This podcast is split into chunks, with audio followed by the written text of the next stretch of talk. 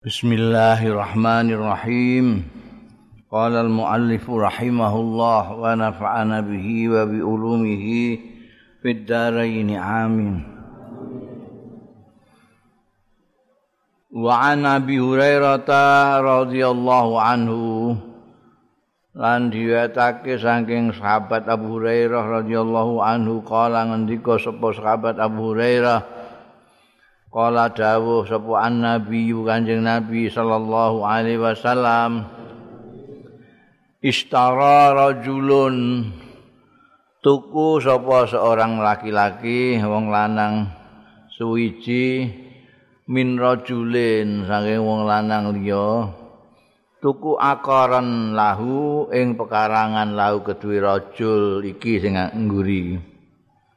Pawajajar rajul mongko nemu sapa wong lanang allazi stara kang tuku ya lazi al aqara ing karangan mau.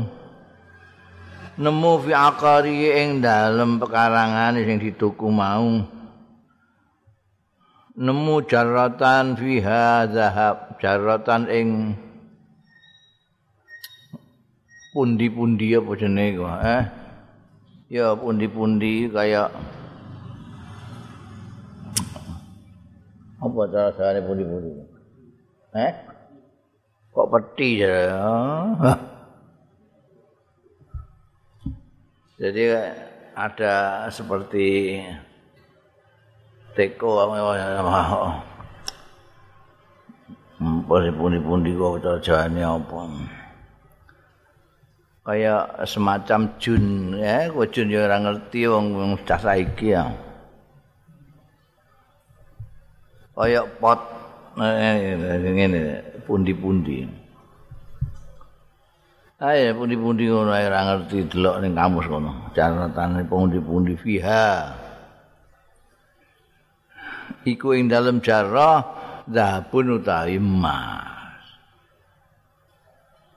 Jarah. Ada pundi-pundi isine emas.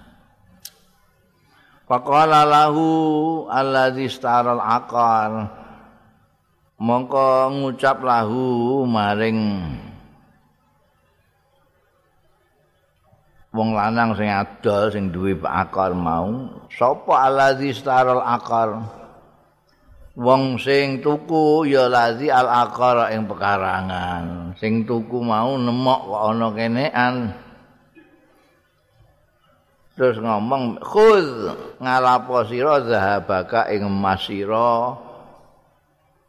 Mini saking ingsun. Iki lho ana pundi-pundi kok isine emas iki wekmu iki to. Inna mastara itu angin pestine tuku sapa ingsun mingka saking sira al ardo ing tanah. Ku sing tak tukuan pekarangan tanah. Walam abta. Lan ora tuku sapa ingsun mingka saking sira azhaba ing emase. Aku tukune kan tanah perkarangane emas gak aku gak melok tuku emas ngene emas iki jikuk kowe nek wa qala lan ngucap sapa allazi lahul ard allazi lau kang iku kedue lazi al ardu tai bumi tanahe iku mau. Innama bituka angin pestine adol sapa ing sira eh, sapa ingsun ing sira adol al ardo ing tanah iku mau. Wa malan barang fiha kang tetep ing dalem art lho oh saiki ra ono model kene iki. Tuku tanah ning tanah iku ana pundi-pundi isine emas. Lho kok sing tuku kok dibalekno mbek sing dodol tanah. Eh, saiki terus dikemplu-kempluno. Oh, bodho. Ngono mbok kandakno. Iki gak ikhlas wong aku tukuku tanah. Pekarangan iki ora sak emas iki. Sing didalae sing adol ya ngono. Lho aku adol tanah ya sak isine ah. Iku hakmu kabeh pek. Iki kok dongeng ngono. Saiki mbok critakno kok dongeng. Ana wong loro ngene kae. Padha ora buta ngene ketoke. Lu ngantek fatah kama. ya Allah, terus pengadilan wong loro iki. Iki kula moh niki wong mboten kula mboten tuwas niki kok.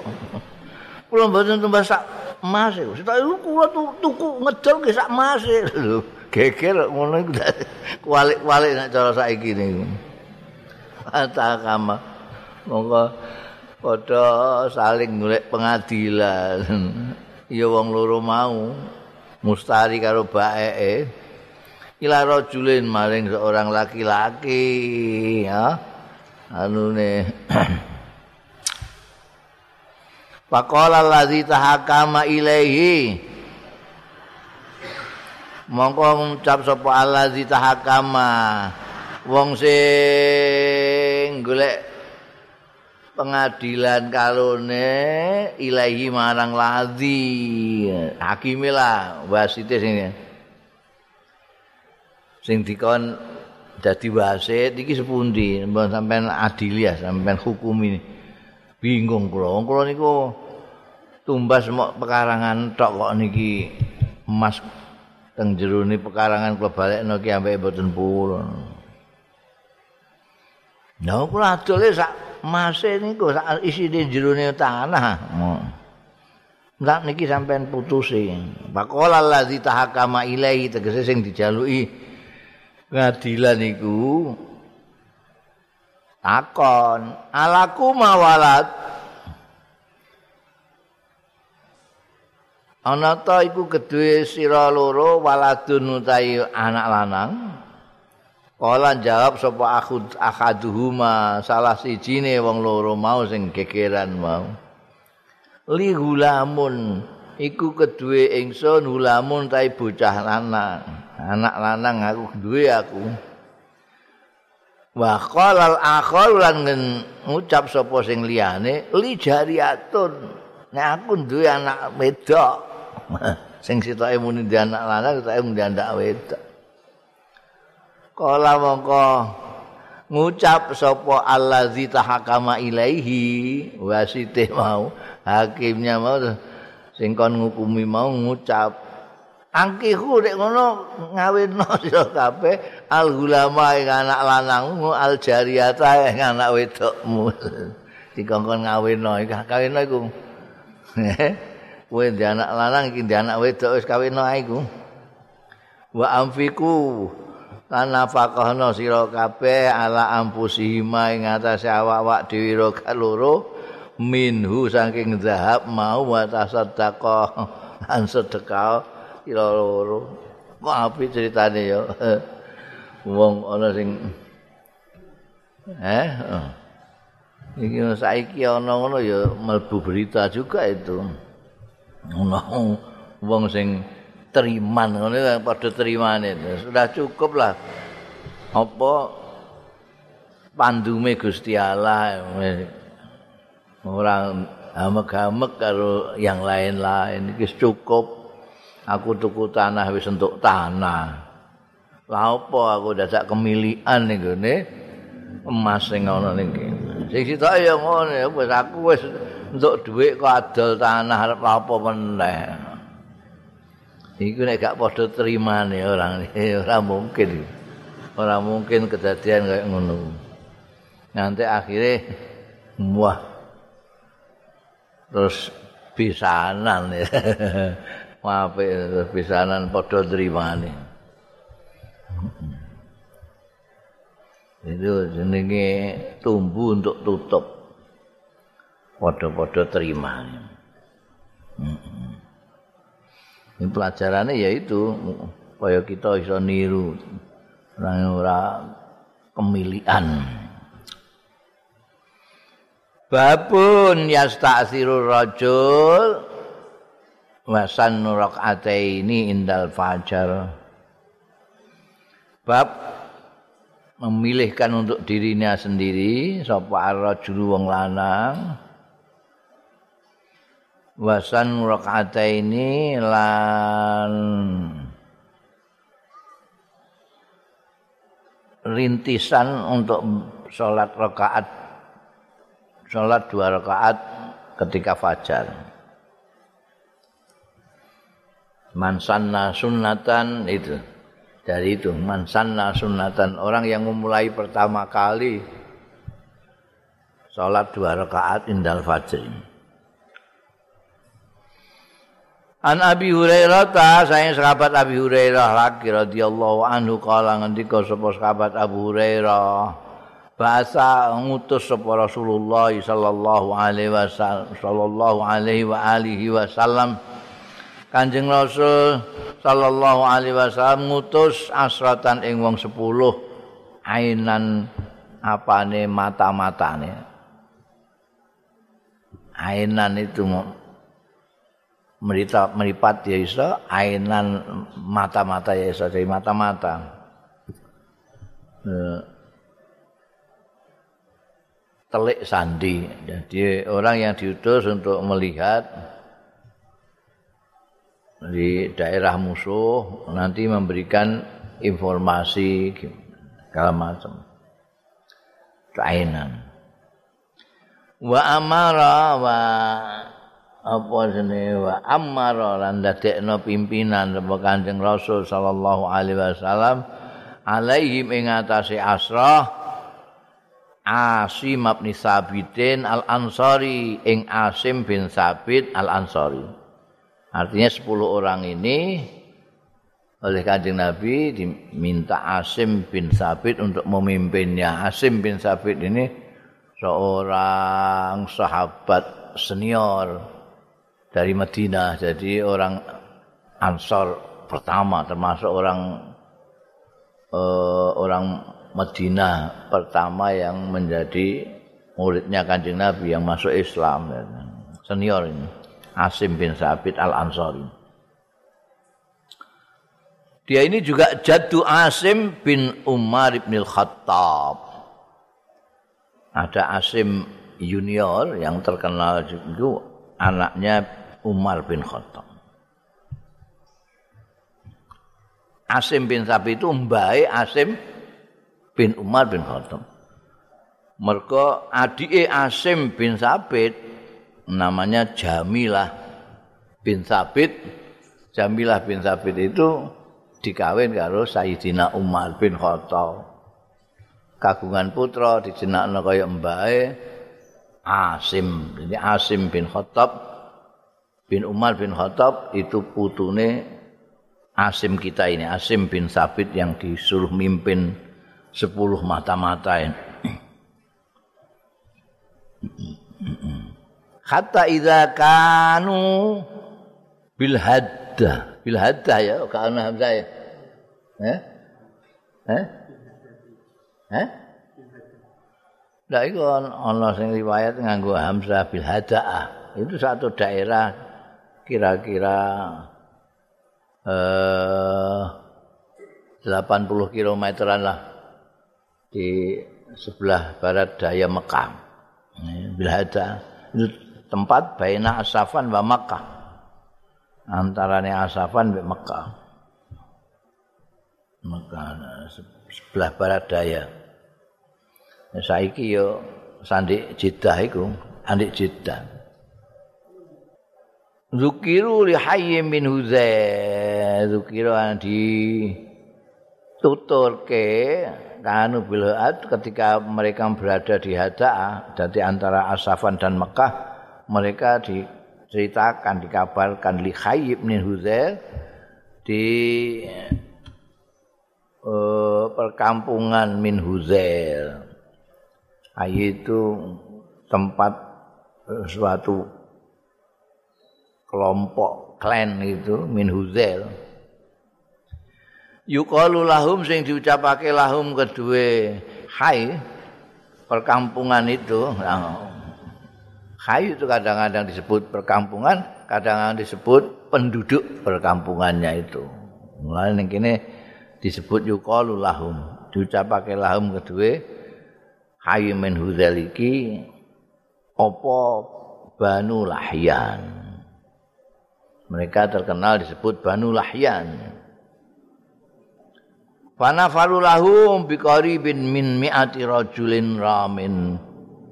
maka memberangkatkan mereka Banu Lahyan ini lahum untuk ngadepi 10 orang tadi yang dipimpin oleh Asim bin Sabit Bikori bin kelawan sekitar min mi'ati rajulin ramin saking 100 lelaki pemanah. Ramin itu pelempar pelempar mana? Pemanah. Jadi begitu sampai hadaah orang sudah diketahui tadi kandak nembe ada orang 10 tentangan anak buahnya Muhammad ini orang-orang Bani Lehian terus ngutus apa jenenge pasukan 100 orang padahal mau 10 tok parani wong 100 pemanah. Mereka itu pemanah semua. Fakta su mongko nitik-nitik. Nah. nitik. Jejak-jejak mencari jejaknya. Nitik-nitik apa qarib min mi'ati rajulin iki mau nitik-nitik asarahum ing labet-labete asrah sing dipimpin asim mau Jadi diikuti jejaknya. Iki iki tapak tangane iki tapak sikile ning kene iki wong 10 kira-kira. kata wajadu sehingga nemu ya qarib min mi'ati rajulin mau makalahum ing panggonan padha dahare asrah mau atamra ing kurma lagi dahar kurma fi manzilin ing dalam panggonan nazaluhu sing singgah ing tumurun singgah. Iya asrah mau. Hu ing manzil.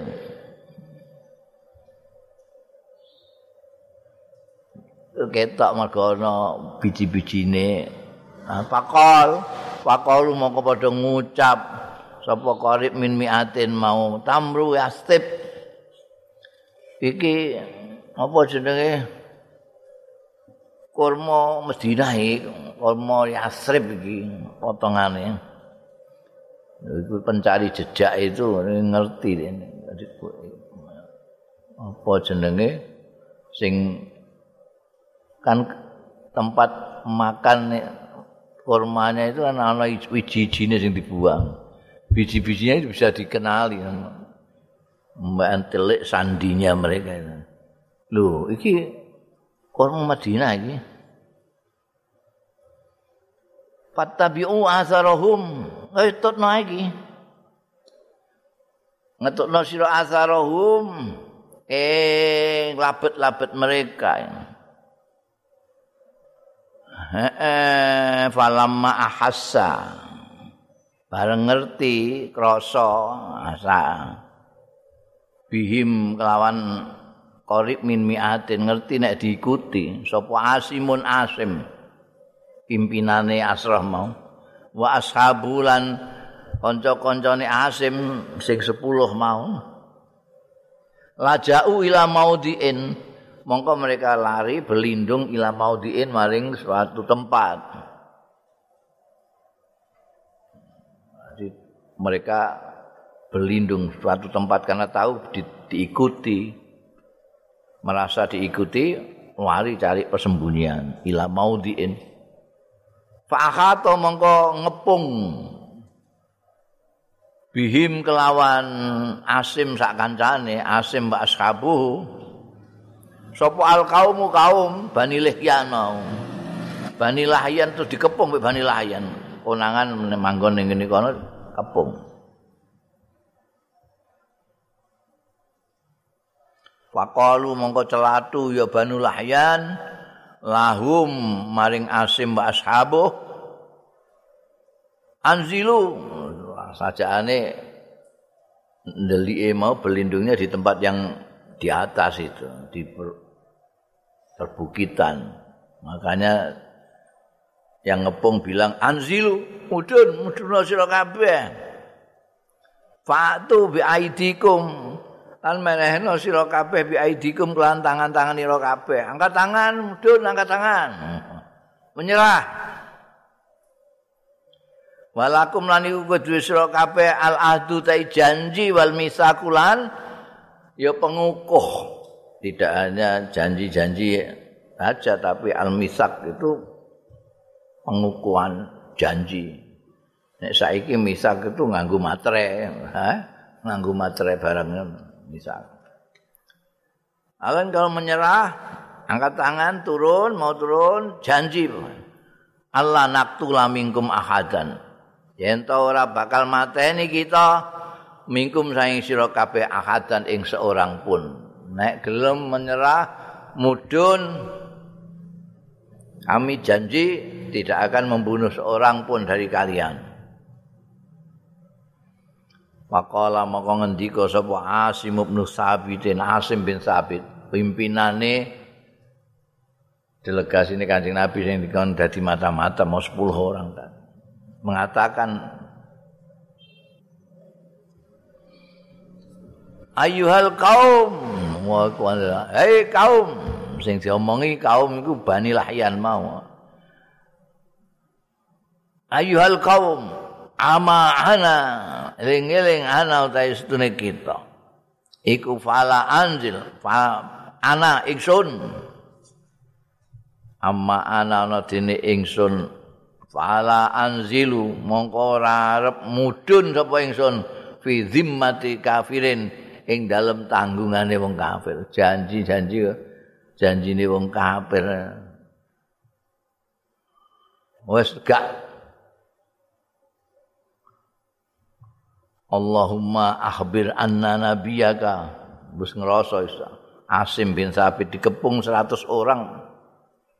Bahkan mudun moh kan menyerah moh moh janji ini wong kafir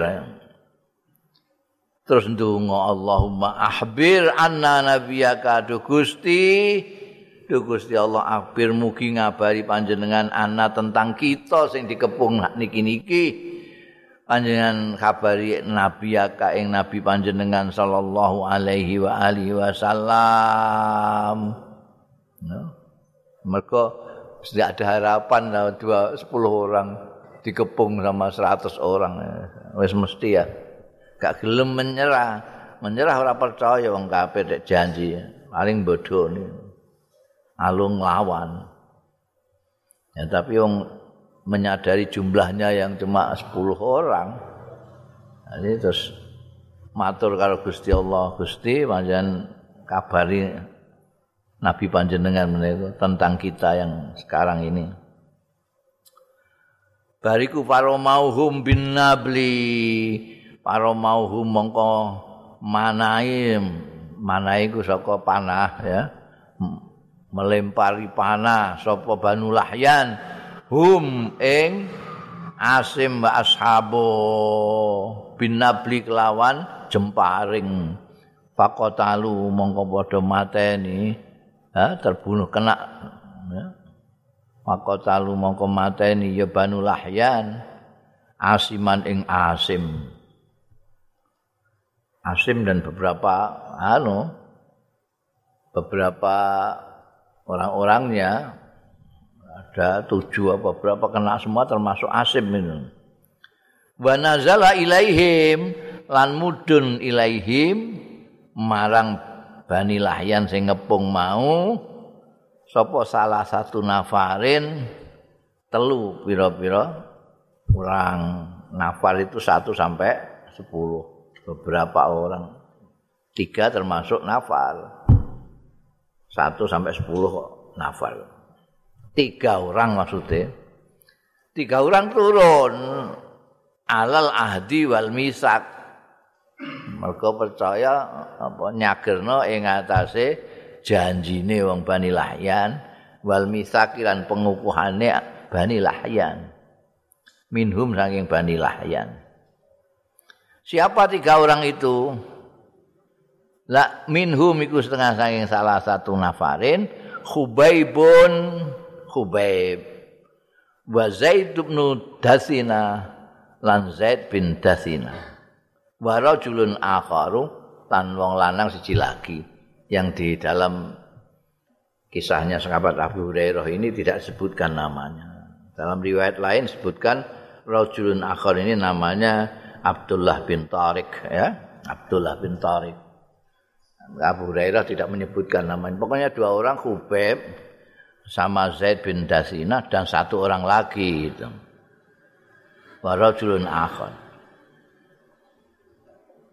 Palam pastak manu minhum mongko bareng wis apa menguasai ya Banu Lahyan minhum saking tiga orang ini atlaku mongko nguculi sapa Banu Lahyan autara kisihim autara kisihim ing taline jemparing-jemparinge kisi itu jamaknya kaos kaos itu yang untuk manah itu, yang melengkung itu nama kaos ya. Yang anak panah namanya nabel, ya, nabel. Yang dibuat manah orang itu nabel itu.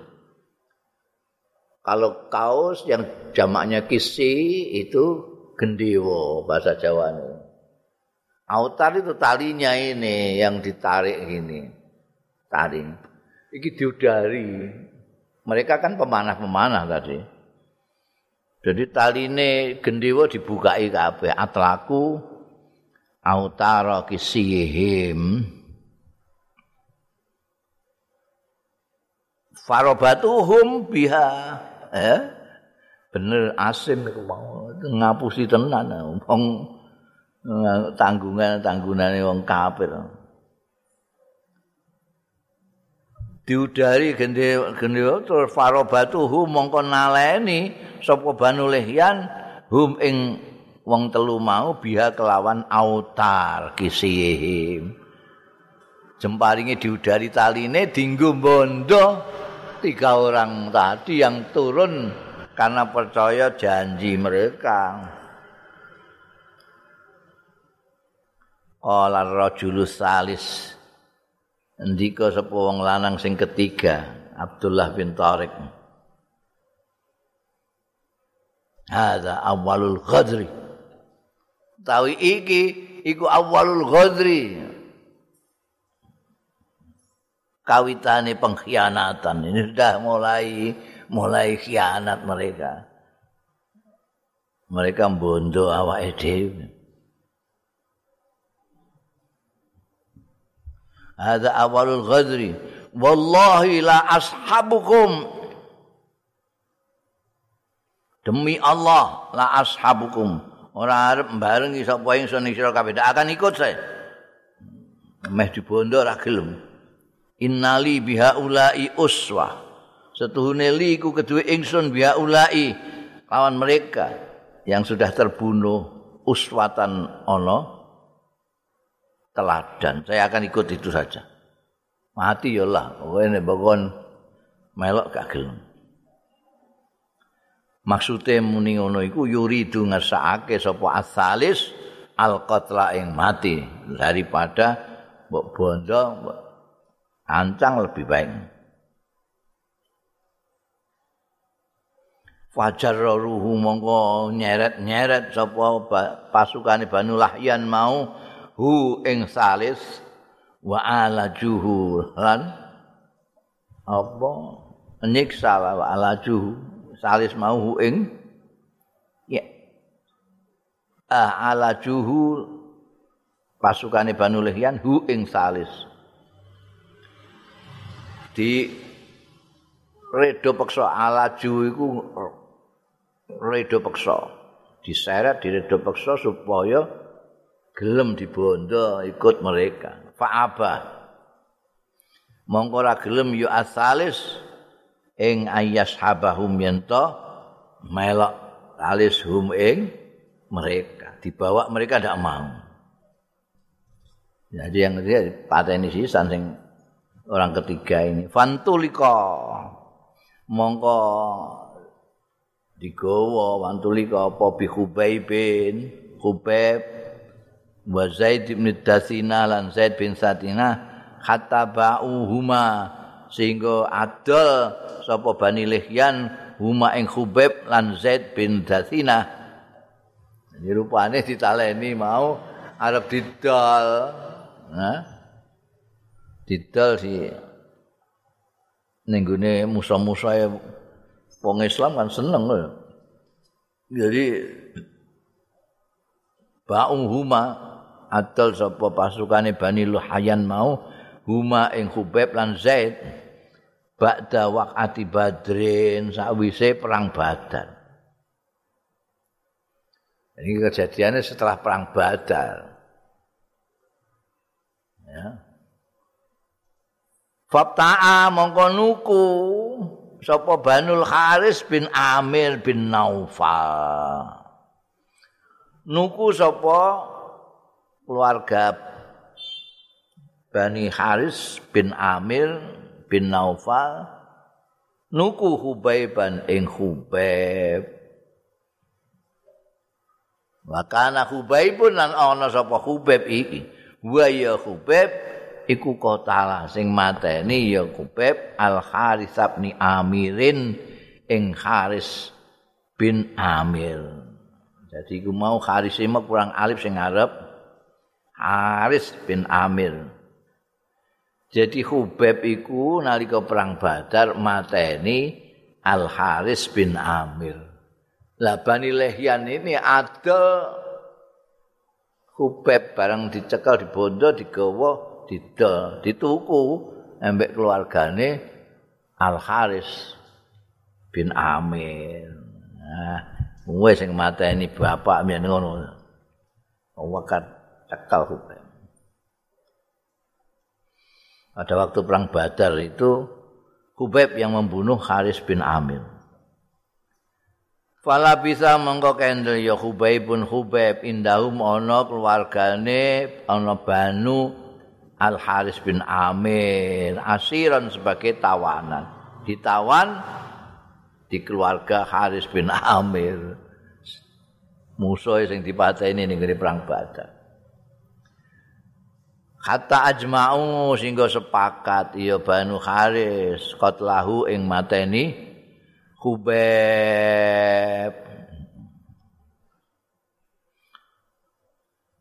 Pasta'ara mongko nyileh meminjam nyileh sapa Hubaib mimba di banatil Haris. Saking sementara anak-anak wedoke Haris nyileh Musa ing piso penyukur Musa. Nyileh karo anak-anak wedok Al Haris iku ning Jaya aku nyileh peso penyukur ah, tak nggone anu cukur. Iki ameh dipateni iki mesti kudu cukur kabeh. Jadi dia fasta'ara min ba'di banatil haris Musa ing peso penyukur yastahidu biya sing kanggo nyukur sapa Hubeb biha kelawan Musa. Fa'arat fa'arat mongko nyili sapa ba'du banatil haris hu ing hubeb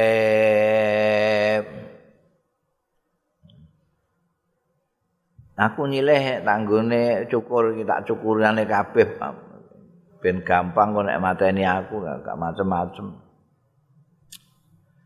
terus disili kalau salah satu anak perempuannya Haris mau.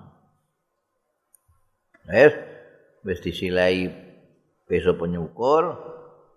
Fadaroja bunai bunayun. Mongko timik-timik mlaku lon-lon bocah cilik mlaku mlakune iku fadaroja sapa bunayun? Bocah cilik laha keduwe bakdu banatil haris sing nilai peso penyukur mau anake jujur dadak timik-timik marani kubeb wahya kale utawi ba'du banatil haris iku ghafilatun talumpe anhu saking bunayen. Dadi dene ora memperhatikan ujug-ujug anake iki timik-timik marani hubeb pas ndekne lagi apa gak memperhatikan? Ghafil itu ndak memperhatikan talumpe kata atahu sehingga nekani sapa bunai hu ing khubeb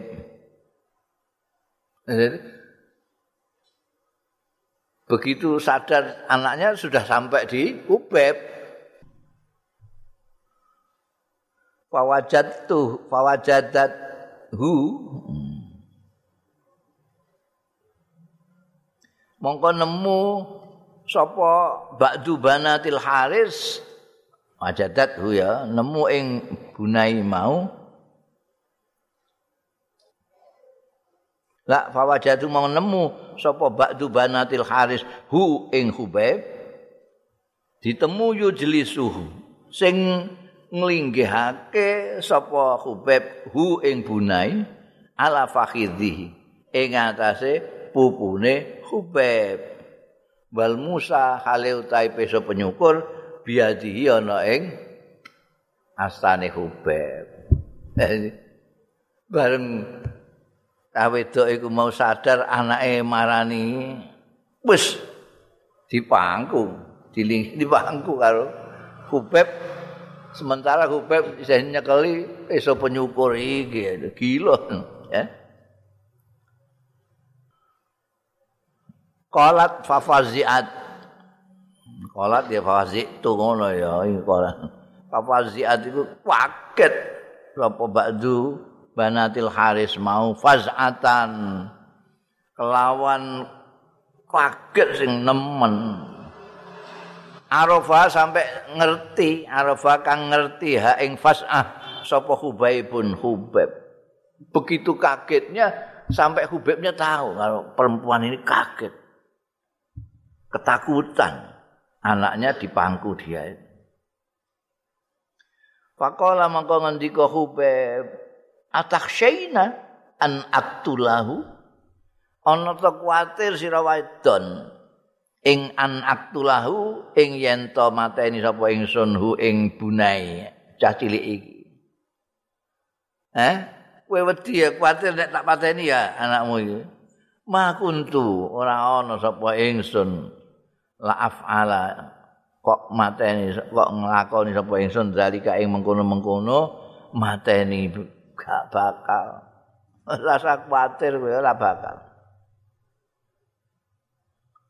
Nah iki kolate mestine ning kene, ning gak ning dhuwur mau ning dhuwur iku mesti buak wae bablas kaken kolat.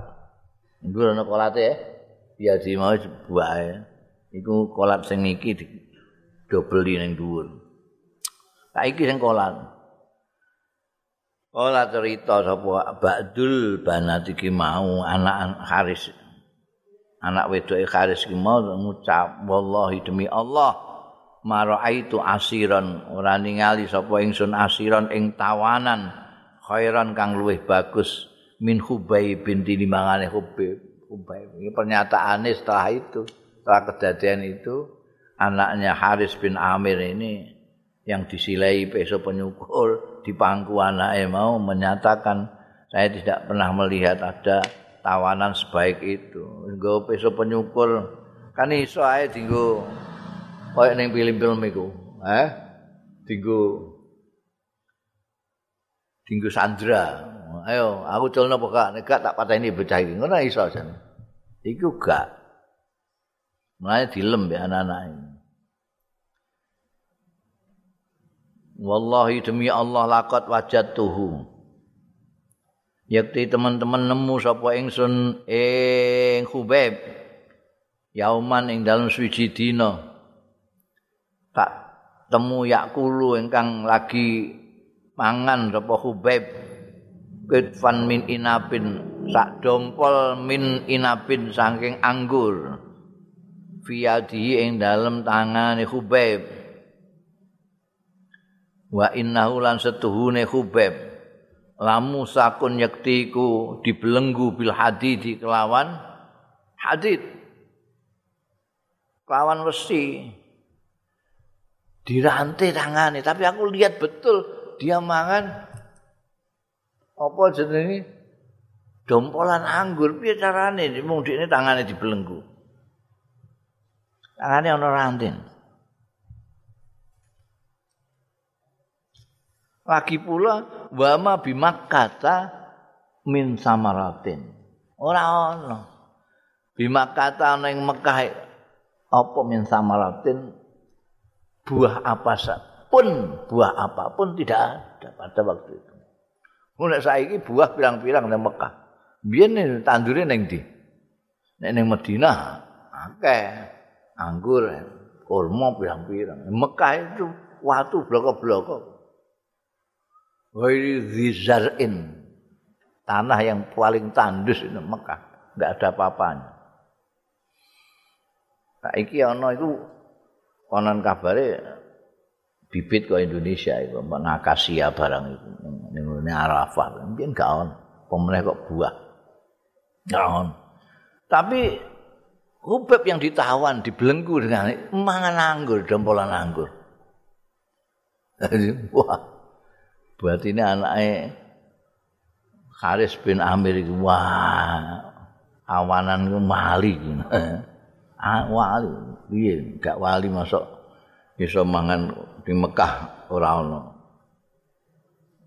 ora ana apa-apa apa-apa kok mangan anggur sak dompol. Wa kana taqulu. Lan ana sapa ba'du banati amir mau. Takulu ngucap sapa ba'du banati haris. Innahu la rizqun. Innahu setune sing dipangan. Mazkur min apa? Kit min inap mau. La rizqun yakti rezeki rozaqahu kang rezekeni paring rezeki. Ing dompolan anggur mau sapa Allah Gusti Allah maringi rezeki Hubaiban ing Hubaib pernyataane kontine ning Mekah ora ana. Wawan anggur ora ana. Kok indine terbelenggu iso mangan dompolan anggur? Dari mana? Kalau tidak rezeki dari Allah. Bundel falam makharaju bareng padha metu ya bani Haris bihi kelawan gawa Hubaib minal harami saking tanah haram liak tuluh supaya mateni ya Banu Haris hu ing Hubeb fil khilli ing dalam tanah halal. Jadi mulai ket biyen ana mateni wong barang iku meskipun itu kisah itu itu ndak di Mekah, ndak di tanah haram, keluar. Jadi saiki barang itu kalau pemerintah Saudi ngukum orang dipateni ketok tangane barang itu di luar tanah haram. Tidak di tanah di keluar. Iku kan biyen wis ngono ketika Hubeb mau dibunuh oleh Bani Haris itu mereka membawanya keluar tanah haram. Nah, haram itu dibatasi kalau Udaybiyah ke sana sudah. Tanah halal ke sini tanah haram ya. Cirona itu ke sana halal. Sini tanah haram. Jadi, metu pokoknya nih tanah halal untuk dipateni. Falamma kharaju bihi minal haram liyaqtuluhu fil hilli. Qala ngendika lahu marang bani Haris sapa Hubaibun Hubaib. Dauni. Tinggalo ninggalno sira ing ingsun usolli. Aku tak sembayang sik rakaat ini rong rakaat. Tak durunge mbok pateni. Aku tak sembayang sik. Mbarno aku tak sembayang sik rong rakaat. Apike kok fatarakuhu mongko ninggal sapa Banu Haris hu ing Hubeb ya kono faroka arok atain mongko rukuk sembayang sapa Hubeb rakaat ini ing rong rakaat. Faqala mongko dawuh sapa Hubeb, wallahi demi Allah, laula antah sabu, lamun kok ora yen to nyono sira kabeh. Annama bi barang bi kan kawan ingsun iku kawan ingsun jazaun apa? Wedi. Lazit tu yakti nambahi sapa ingsun. Maksude aku jane pengen sembahyang terus tidak hanya dua rakaat tapi engko darani oh itu ngulur-ngulur waktu mergo aku wedi. Kok umpamane ora begitu saya akan tambahi rakaat dua itu. Nah, mesti kamu akan nyono nek aku wedi Suma kala keri-keri ndonga sapa Hubaib? Allahumma ahsihim adadan. Duh Gusti Allah mugi panjenengan ngetang. Bani Haris niki pinten tiyangipun? Etang adadan jumlahe. Waktul hum lan mundut panjenengan bunuh mugi mateni panjenengan ing Banu Kharis badadan cara apa jenenge? Bercerai-berai mata ini sang wala tubqi minhum akhadan lan ampun menyisakan panjenengan ngerekaken panjenengan minhum saking Bani Haris akhadan ing seorang pun. Jadi bar sembayang terus ngomong seandainya saya apa tidak kamu sangka takut saya akan nambahi rakaat saya. Dungo supaya mereka dihancurkan semua. Dihitung jangan sampai kelewatan semua dihancurkan. Jangan sampai kelewatan satupun. Summa ansha'a yakulu mongko keri-keri. Mulai sapa Hubeb yakulu ngendika baca puisi. Falastu ubali hina uktalu muslima. Ala ayyi jambin kana lillahi masra'i. Oh wagae ngono. Falastu mongko ora ana sapa ingsun? Ora ana iku ubali. Peduli sapa ingsun. Hina uktalu nalikane dipateni sapa ingsun musliman sebagai muslim ala ayi jambin tidak peduli ala ayi jambin ing atase endi sisih? Sisih kiwa sisih tengen geger apa mengkurep gak urusan. Kana ana lillahi iku kedue Gusti Allah masroi kematianku jatuhku gelimpangku gelimpangku. Wadzalika fi dzatil ilahi wa iyyasha yubarik ala ausali salbe mumazzai. Oh wa dzalika utai mengkono mau fi dzatil ilah ing dalem zate Gusti Allah ing dalem zate pangeran. Wa iyyasha lamun ngersake ya ilah yubarik mongko berkahi ya ilah ala ausali salwin ing atase ros-rosane gauta mumazzain yang terpotong-potong. Wakal arep dipateni bareng sembayang rong rakaat terus maca puisi. Saya tidak peduli. Pokoknya saya mati sebagai muslim, saya tidak peduli.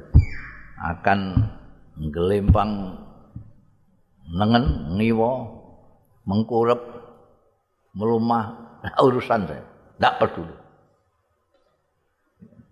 di sisi Allah kalau Allah menghendaki semuanya ros-rosan saya gauta-gauta saya yang terpotong semuanya diberkahi oleh Allah Subhanahu wa taala. Ngono.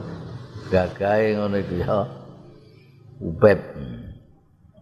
Maka tercatat dalam sejarah itu orang syahid yang sangat tegar menghadapi musuh yang membunuhnya. Suma koma ilai Abu Saru'a. Iki anake Haris ini. Uma koma moko ngadeg ilahi marang Khubaib sapa Abu Saru'a. Abu Saru'a itu kunyae jenenge Uqbah bin Al Haris. Anaknya Haris tuh ngadeg ngarani faqatalahu. Mongko mateni sapa Abu Saru'a. Hu ing Khubaib. Wa kana lan ana sapa Khubaib wa ya Hubaib iku sannun likulli muslimin. Merupakan rintis perintis likulli muslimin. Orang pertama yang mentradisikan setiap orang muslim kutila yang dibunuh sabron secara sabar artinya yang dengan gagah dengan tabah dibunuh baik dalam peperangan maupun dalam tawanan seorang muslim kemudian minta sholat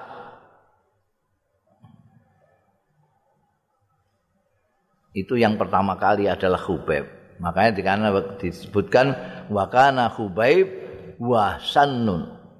Merupakan teladan pertama. Likuli muslimin kanggo setiap muslim kutila yang terbunuh sabrun secara sabar ya as-salata ing sembahyang. Belakangan nanti kalau ada orang muslim yang dibunuh oleh musuh dan minta salat itu niru Ubeb. Karena Ubeb lah orang yang pertama, sana itu.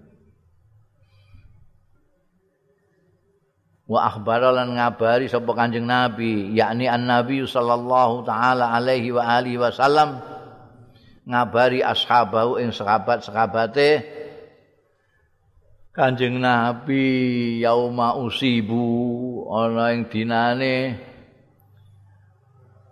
kena musibah ya utusane sing 10 orang mau. Khobarahum ing khobare asim sak balane wa ashabu Dungane asim mawon supaya Gusti Allah ngabari Nabi ini. Betul kanjeng Nabi beritahu Jibril ini kejadian utusan sampean 10 orang termasuk Asim dalam kondisi kena musibah dari Bani Lahyan.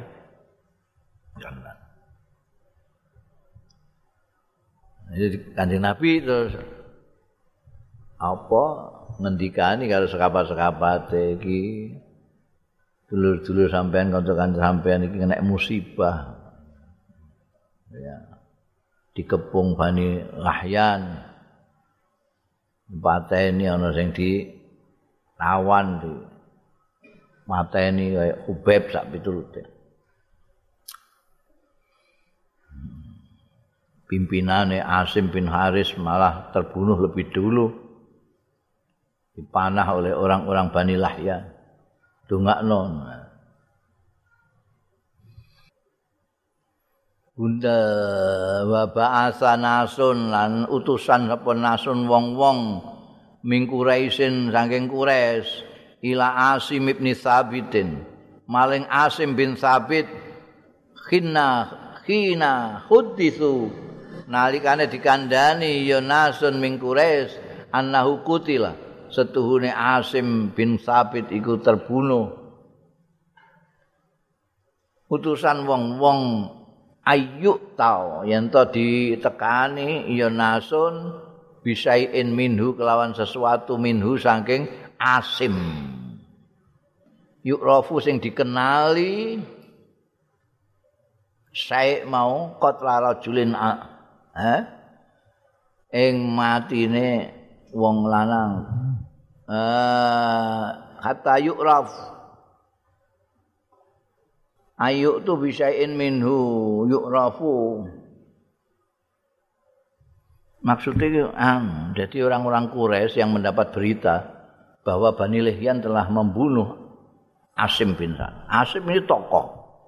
Tokoh yang terkenal dari Madinah yang pada waktu perang Badar itu ngucar ngacir wong Mekah Ya wong ada orang-orang Quraisy Mekah sing kongkonan supaya datang ke itu tempat Asim terbunuh. Jadi ini Asim terbunuh. Saya gawakno apa tapane sirahe apa apane ketok sirahe apa tangane bagi bukti nek biasanya ya sirahe diketok supaya sebagai bukti bahwa itu memang yang dibunuh itu Asim bin Sabit. Terus kota lah rajulan ngono ya. Nanti kota, eh? wakana ana kanane ya ya iku sing bener wakana lan ana kelakuan wakana ana sapa Asim bin Sabit iku kotala musmateni rajulan ing wong lanang aziman kang gedhe min uzamaihim saking penggede-penggedene nas min mau balas dendam kalau memang betul itu mereka akan puas kalau memang Asim bin Sabit itu yang terbunuh di Bani Lihyan coba bawa itu kepalanya ke sini. Karena dia sudah membunuh tokoh besar dari Quraisy ketika perang Badar. Terus moro marani jasate jenazahnya sapa jenenge Asim sing menggeletak dinjarno mbekan wong-wong mereka mereka membawanya tiga orang itu, eh, dua orang itu Hubem dan Zaid itu. Itu dinjalno. Karena ada utusan dari Quraisy Mekah itu semua goleki. Emeh diketok gulune. Padahal Asim itu sudah bersumpah tidak akan mohon kepada Allah tidak akan tersentuh oleh orang-orang kafir. sakingan wedinge mek wong kafir. Lah iki ana utusan kok Quraisy kongkon jikuk bukti sirae apa-apa lah saean itu. Fa ba'asallahu mongko ngutus sapa Allah li Asimin kanggo Asim bin Sabit. Ngutus misladzullati umpamane mendung minab dabri saking dabel dabel itu tawon das. Dapur itu tawon yang itu saking banyaknya itu sampai kayak mendung. Weteng ini mengelilingi jasate Asim. Gusti Allah ngirim apa jenis tawon das itu. Oh, mantek peteng kaya Zullah. Fahamadhu mongko melindungi ya Zullah min dabrin hu ing asim min rusulihim saking utusan-utusane nas min quraisin mau falam yakdiru mongko ora mampu ya rusulihim ayyak ta'u minhu syai'an yen to ngetok ya rusuluhum minhu saking asim syai'an ing apa-apa. Mereka tidak bisa mengambil. Ana riwayat begitu sudah enggak ada ini mendung dari tawon das ini. Orang ke situ lagi sudah enggak ada jasadnya juga. Asim bin Sabit ya jadi kayak Hubeb jadi wong sahabat Kanjeng Nabi ya. Ya lebih dari wali lah kan babu ayu siruna ala ampusihim wallahu alam